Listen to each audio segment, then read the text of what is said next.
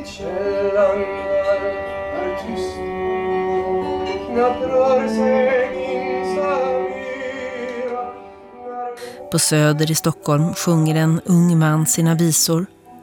Han är omgiven av vänner, av flickan han älskar, av sin välgörare. Det är som om han uppträder på en scen, fast vi sitter i någons vardagsrum. Publiken kommer hit för att höra dessa sånger, se på dessa upptåg. En dag ska det bli något stort av poeten. Hans rykte sprids inte genom tv eller radio, genom tidningar eller poddar. Året är 1769. Inte ens tidningarna är som vi tänker oss dem.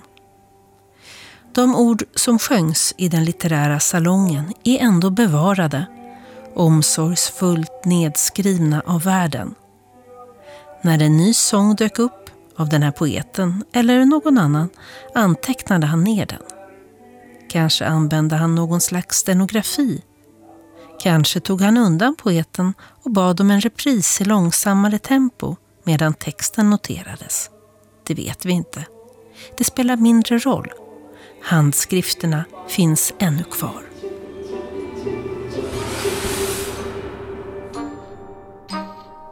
Du lyssnar på Anekdot Essä, Södersalongen. Skriven av Karina Burman, inläst av Magdalena Indebeto. Salongsvärden hette Anders Lisander.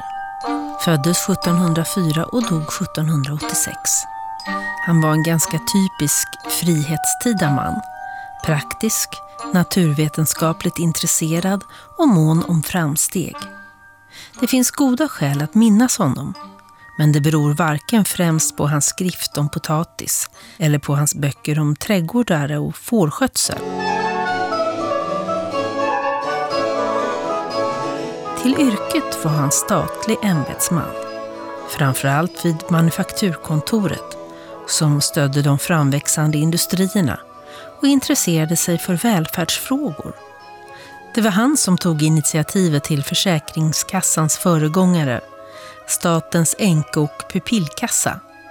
Från och med 1740 fanns alltså statligt efterlevande stöd i Sverige. I en tid präglad av fattigdom, där man dagligen såg tiggande barn och krigsinvalider, visade sig Lisander som en man med socialt samvete.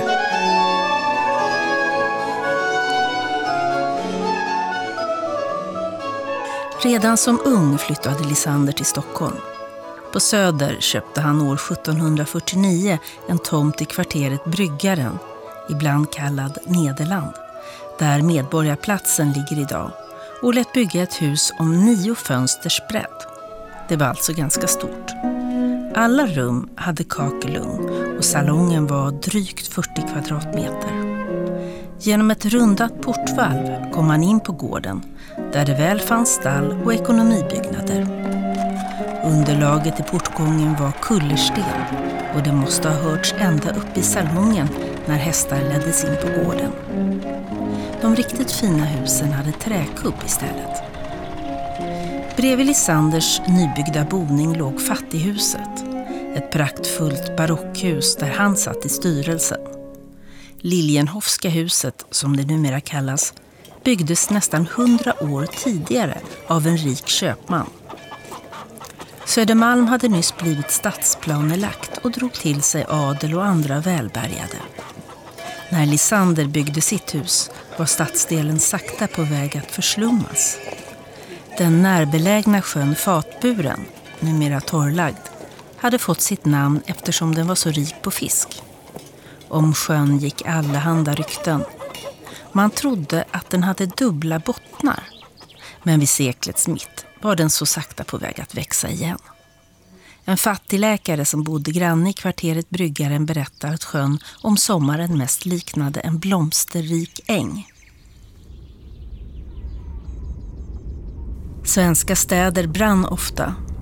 År 1723 förstördes 500 gårdar och själva kyrkan i Katarina församling. 1751 härjade en stor eldsvåda i Klara som också spred sig till söder. Och 1759 brann det svårt i Maria. tornet störtade genom kyrkans valv och först 1763 var den uppbyggd igen. Trähusen drabbades förstås värst, vilket betydde att de fattiga fick det ännu svårare. Ända till kvarteret Bryggaren nådde dock inte 1759 års brand och Lisander satt säker i sitt stenhus. Odlingen var hans stora intresse. Inte den odling som han ägnat sig åt i barndomens trädgård, utan den litterära och musikaliska odlingen, kulturen. Sannolikt var han själv musikalisk och i varje fall hade han två musikaliska döttrar, Ingrid och Stina. Hans tre söner var borta, två döda i späd ålder och en förmodligen i tonåren. Två gånger hade Lisander blivit enkling och flickorna hade var sin mamma. Det tycks ha varit en ganska tät gemenskap i den lilla familjen där alla tre var sociala och litterärt intresserade. Nu grundade Anders Lisander en litterär salong. Det är den, inte pensionskassan eller småskrifterna, som bevarat hans namn till eftervärlden. Förmodligen började den underhållningen i hemmet men gled sakta över till att vara halvoffentlig. Den hade också en alldeles särskild attraktion. En ung, lovande poet. Sannolikt bodde poeten hemma hos Lisanders en period. Hösten 1765 bjöd i varje fall familjen Lisander honom på namnsdagsmiddag. Hans namn var Mikael och nu improviserade han en taktdikt som handlade om ärkeängeln Mikaels kamp mot draken. Våldsamma strider avsvor han sig dock. Tacka vill jag den leken. Äta sin soppa, dricka en droppa, blomkål först och så steken. Syltat mos och bär. Sockermunkar med grädda. Vin från Malta, foten vill halta. Bröst och hjärta blir rädda för Cupido här.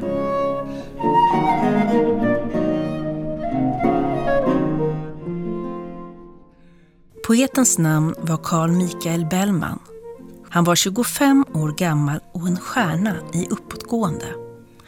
Född på Söder och uppfostrad i ett högre ståndshem hade han alltid uppmuntrats att skriva. Redan som 15-åring debuterade han som författare och under 60-talet hittade han allt mer sin poetiska nisch.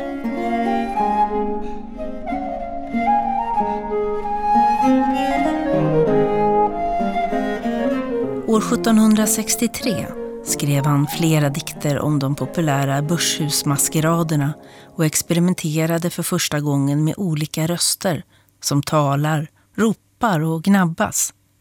Det var ett grepp han snart skulle utveckla. År 1763 innebar dock inte enbart nya poetiska färdigheter utan också konkurs och möjligen flykt till Norge. Efter återkomsten bodde han hos sina föräldrar som försökte leva herrgårdsliv i Sörmland. Hösten 1764 fick han en tjänst vid manufakturkontoret rekommenderad av Anders Lissander och återvände till Stockholm. Året därpå dog båda hans föräldrar. Möjligen var Lissander bekant med dem. Nu blev den äldre mannen ett slags fadersgestalt för Bellman. Och för honom som förlorat tre söner var kanske poeten något av ett surrogat. De båda blev vänner, helt enkelt. Bellman förälskade sig i Inga Lisander. De dikter han skrev till henne handlar ofta om mat i oktober 1766 tillägnade han henne exempelvis en dikt om korvar. Den svala höstmånaden ansågs särskilt lämplig för korvstoppning och Bellman skriver om korvar på ett sätt som visar att han visste en hel del om matlagning. När komma de på vakt min mamsell? I Edarts kök jag frågar. I gryn och russinprakt min mamsell. Och rökta skinn jag vågar, min mamsell. En korv, en bagatell. Dock härlig, min mamsell. När han på bordet rödbrun tågar. Ordet korv hade också en dubbelmening. Det användes om den uppblåsta statsvakten Och i sista strofen blir magen till Stortorget där korvar står på givakt med bajonett och allt. Bellman gillade det absurda. Kurtis och mat var nära förknippade för honom. Många av hans dikter tillkom som tack för maten. En av de mest kända, Så lunkar vi så småningom, Fredmans sång nummer 21, har ju just titeln Måltidssång. Tycker du att graven är för djup, så väl ans och ta dig Slå en sup, ta dig sen dit och en dit och två dit och tre Så dör du nöjdare Äldre tiders litterära försörjningsvägar var vitt skilda från våra.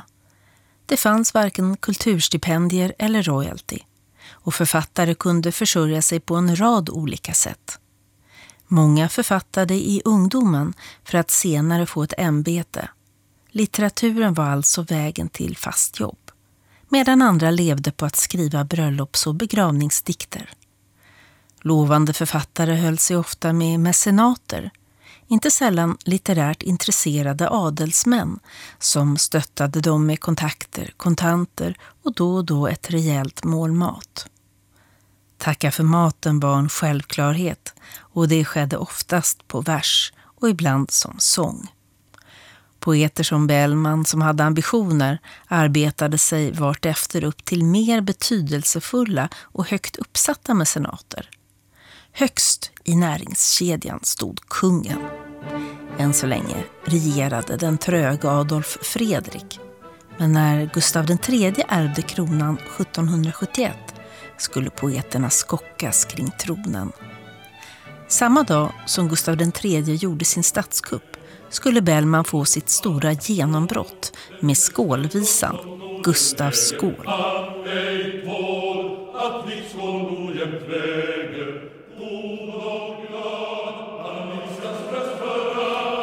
Det dock långt kvar till den 19 augusti 1772. Frihetstiden står fortfarande i fullt flor.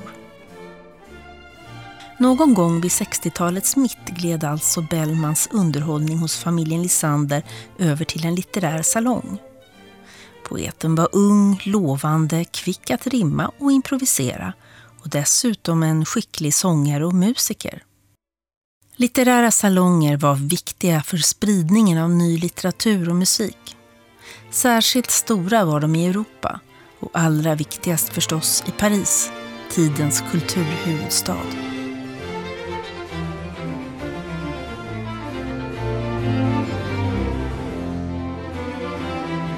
Oftast var det kvinnor som höll i salongerna och genom sitt inflytande bidrog salongsvärdinnorna till att sprida nya litterära och politiska tankar.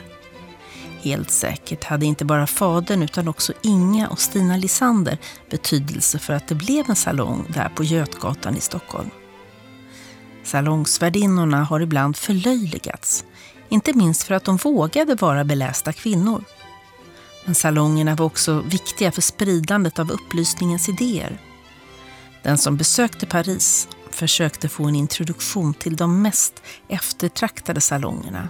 Till Madame Chauffrin, Lespinasse och Necker. Där blixtrade konversationen. För oss är tal bara prat.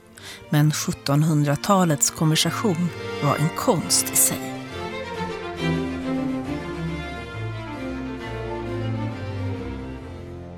Sverige hade inga salonger av europeiska mått.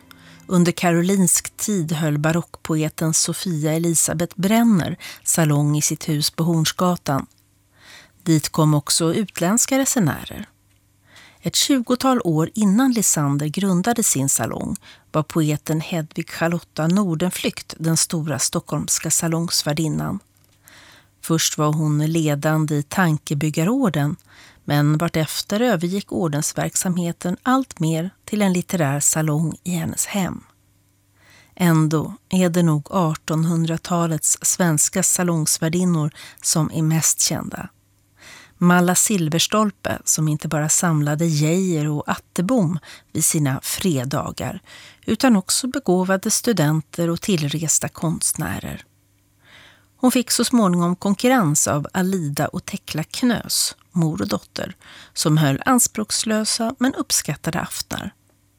Båda dessa 1800-talssalonger var belägna i det akademiska Uppsala och ganska olika de förrevolutionära parisiska salongerna. På kontinenten fortsatte salongskulturen att vara betydelsefull in på 1900-talet då bland andra modernisten Gertrude Stein höll hov i Paris.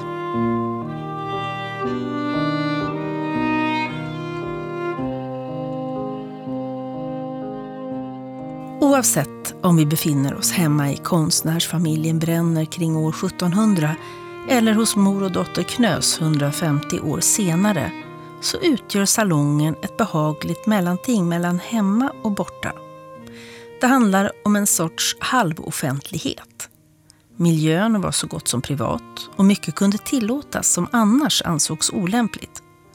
Man var frispråkigare, ja, friare på alla sätt. Högreståndspersoner som ämbetsmännen Lisander och Bellman skulle 1765 inte ha ställt sig på en offentlig scen. Hemma i vardagsrummet gick det däremot bra. Bellman framträdde där med allehanda visor och upptåg och nästan alltid handlade det om att spela en roll.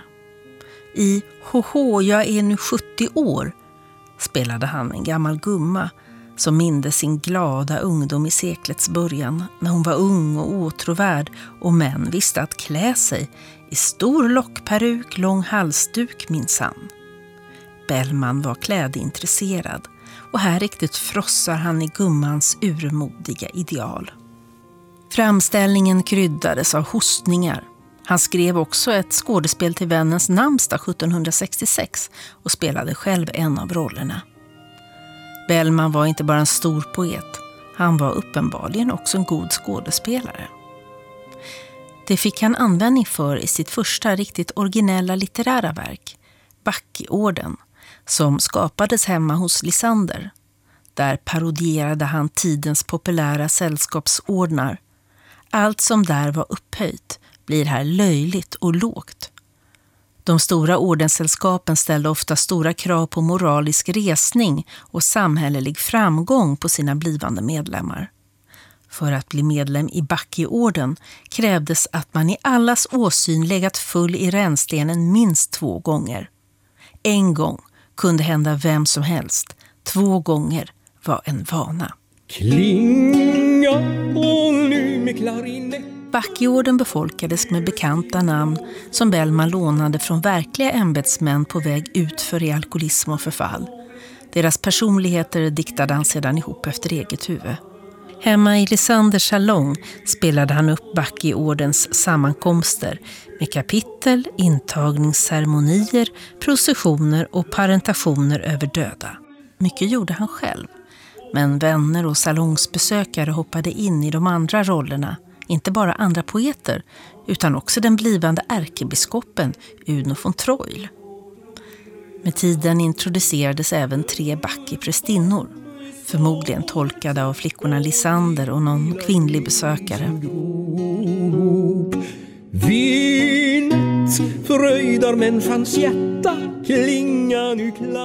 Under några år utvecklade Bellman nu sin scenpersonlighet. Han var skicklig som litterär improvisatör men kunde också imitera ljud. Redan i början av 60-talet roade han gästerna hemma hos matematikern Samuel Klingenstierna genom att härma djurläten. Det berättas också om hur han kunde trumma med tummarna mot ett bord för att imitera trummor och pukor eller åstadkomma ljud genom att dra med fingret ut med fönsterrutan. Man kan tänka sig hans framträdanden som en blandning mellan teater och sångframträdanden. Hälften ståuppare, hälften singen-songwriter. En kväll i december 1769 kom den unge poeten Johan Gabriel Oxenstierna till Lisanders för att höra Bellman. På programmet stod En parentation över en död riddare, allt på vers satt efter operastycken. Närmare bestämt parentation över brännvinsbrännaren Lundholm. En av sångerna blev längre fram Fredmans sång nummer 6. Den inleds med klockor som ringer med ängsligt dån och fortsätter Hör klockorna vid mörksens tull. Sov, gamle Lundholm, sov, lull, lull. Cupido sjunger vid din mull om någonsin din maka skulle kysst på din haka hon blivit full. Dockorna med ängsligt dån nu ringa för en son för riddar Lundholm av döden uppsluken se ådens peruken se stjärnan på Melodin var lånad från ett sångspel och handlar ursprungligen om en vacker ung flicka vars mun man så gärna vill kyssa. Den komiska verkan var uppenbar och på natten skrattade Oxenstierna så han inte kunde sova. Ett par dagar senare gick han tillbaka för att än en gång höra Bellman. Upplevelserna skrev han om samma kväll i sin ofta citerade dagbok. Bellmans framträdande beskrivs så här. Han sjunger själv och spelar på sittra.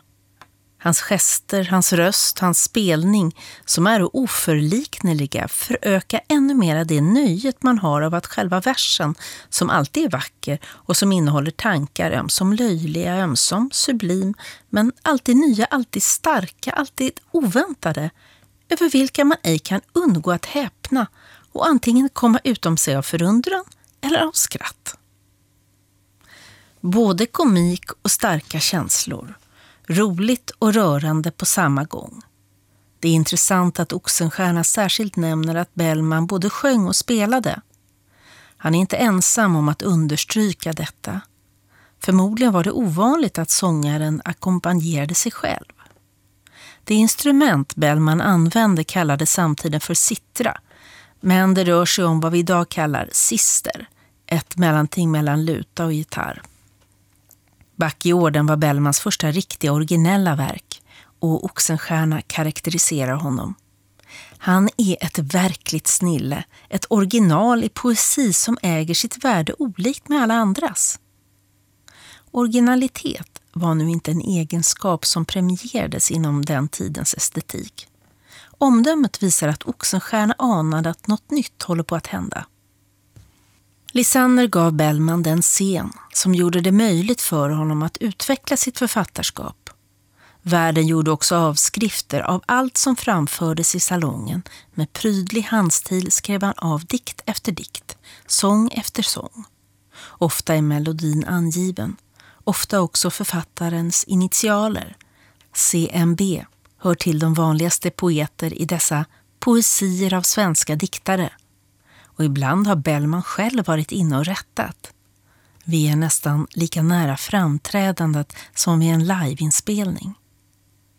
Det är genom Lisanders avskrifter vi kan datera Fredmans epistlar, Bellmans främsta och mest kända verk. Plötsligt möter vi där Sankt Fredmans epistel. Ännu fanns bara en enda epistel. Inte ens Bellman visste ännu att det skulle bli 82. Mycket snart fångades han dock av idén och redan på nästa sida har Lisander skrivit in Fredmans andra epistel. Då lade han också till första på sidan före. Av omgivande dikter kan vi datera tillkomsten till mars 1770. Innan året var slut fanns det 25 epistlar och två år senare hade Bellman skrivit ytterligare 25. Den sista episten i Lisanders avskrift är daterad 12 februari 1772 och har titeln Fredmans 50 epistel eller Hans sista ögnakast på Ulla Vinblad vid hennes återresa från Djurgården. Febus förnyar de gyllene skyar kring städer och byar bestrålar vår syn Hästarna blänka Efter texten har Lisander skrivit Slut på andra delen av Fredmans epistlar. Där slutar också volymen. Eftersom bara hälften av Lisanders avskriftsvolymer är bevarade kan han ha skrivit av fler epistlar. Ungefär vid den här tiden tycks dock Bellman ha lämnat Lisanders salong. Ytterligare ett par kapitel i Backeorden har framförts och epistlarnas Ulla Vinblad gjorde ett gästspel som ledare för Backe prästinnor. Orsaken till Bellmans uppbrott har diskuterats. Förhållandet med Inga Lisander tog uppenbarligen slut och en tradition berättar att hon kastade hans skrifter på elden. Det har setts som en förklaring till att vi har så få egenhändiga handskrifter av epistlarna. Men Bellman var aldrig särskilt intresserad av sina original. Det hände att han måste efterlysa sina egna texter. Dessutom var han sångare och kunde kanske visorna utan till. Under dessa tidiga år levde pistlarna i hans hjärna och strupe. Konstnärligt och framgångsmässigt hade Bellman växt från Lisanders salong. År 1772 vann han kungens öra och rörde sig snart i betydligt mer inflytelserika kretsar. Antagligen upphörde också Lisanders salong ganska snart efter brytningen. Lisander själv hade vid det här laget fått titeln kommersråd och verkade från 1773 vid handels- och manufakturdivisionen, alltså ännu ett statligt ämbete. Vid hans död 1786 skrev Bellman en vacker dikt som betonar vännens engagemang för de fattiga och förtryckta. Om det vittra intresset sägs märkligt nog inte ett ord. Ingen av flickorna gifte sig. Stina dog 1790 och Inga 1808. Hon ägde då en fin boksamling där det ingick skrifter av Bellman och dessutom ett klaver, en sittra och en davidsharpa.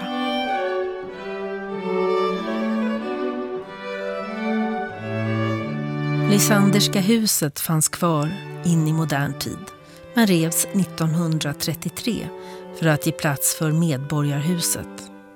Det fanns dock fotograferat och uppmätt.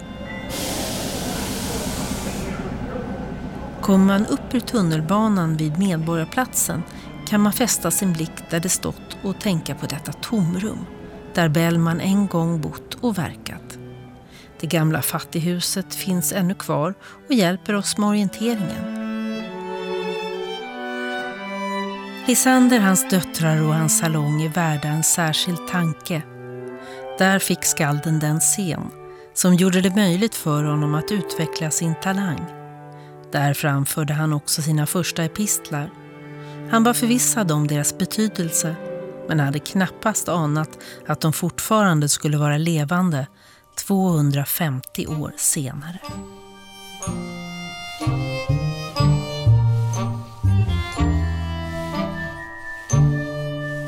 Du har lyssnat på Anekdot Essä, en del av bildningsmagasinet Anekdot.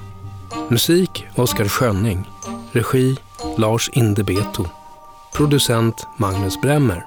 Fler essäer, poddar och filmer hittar du på anekdot.se.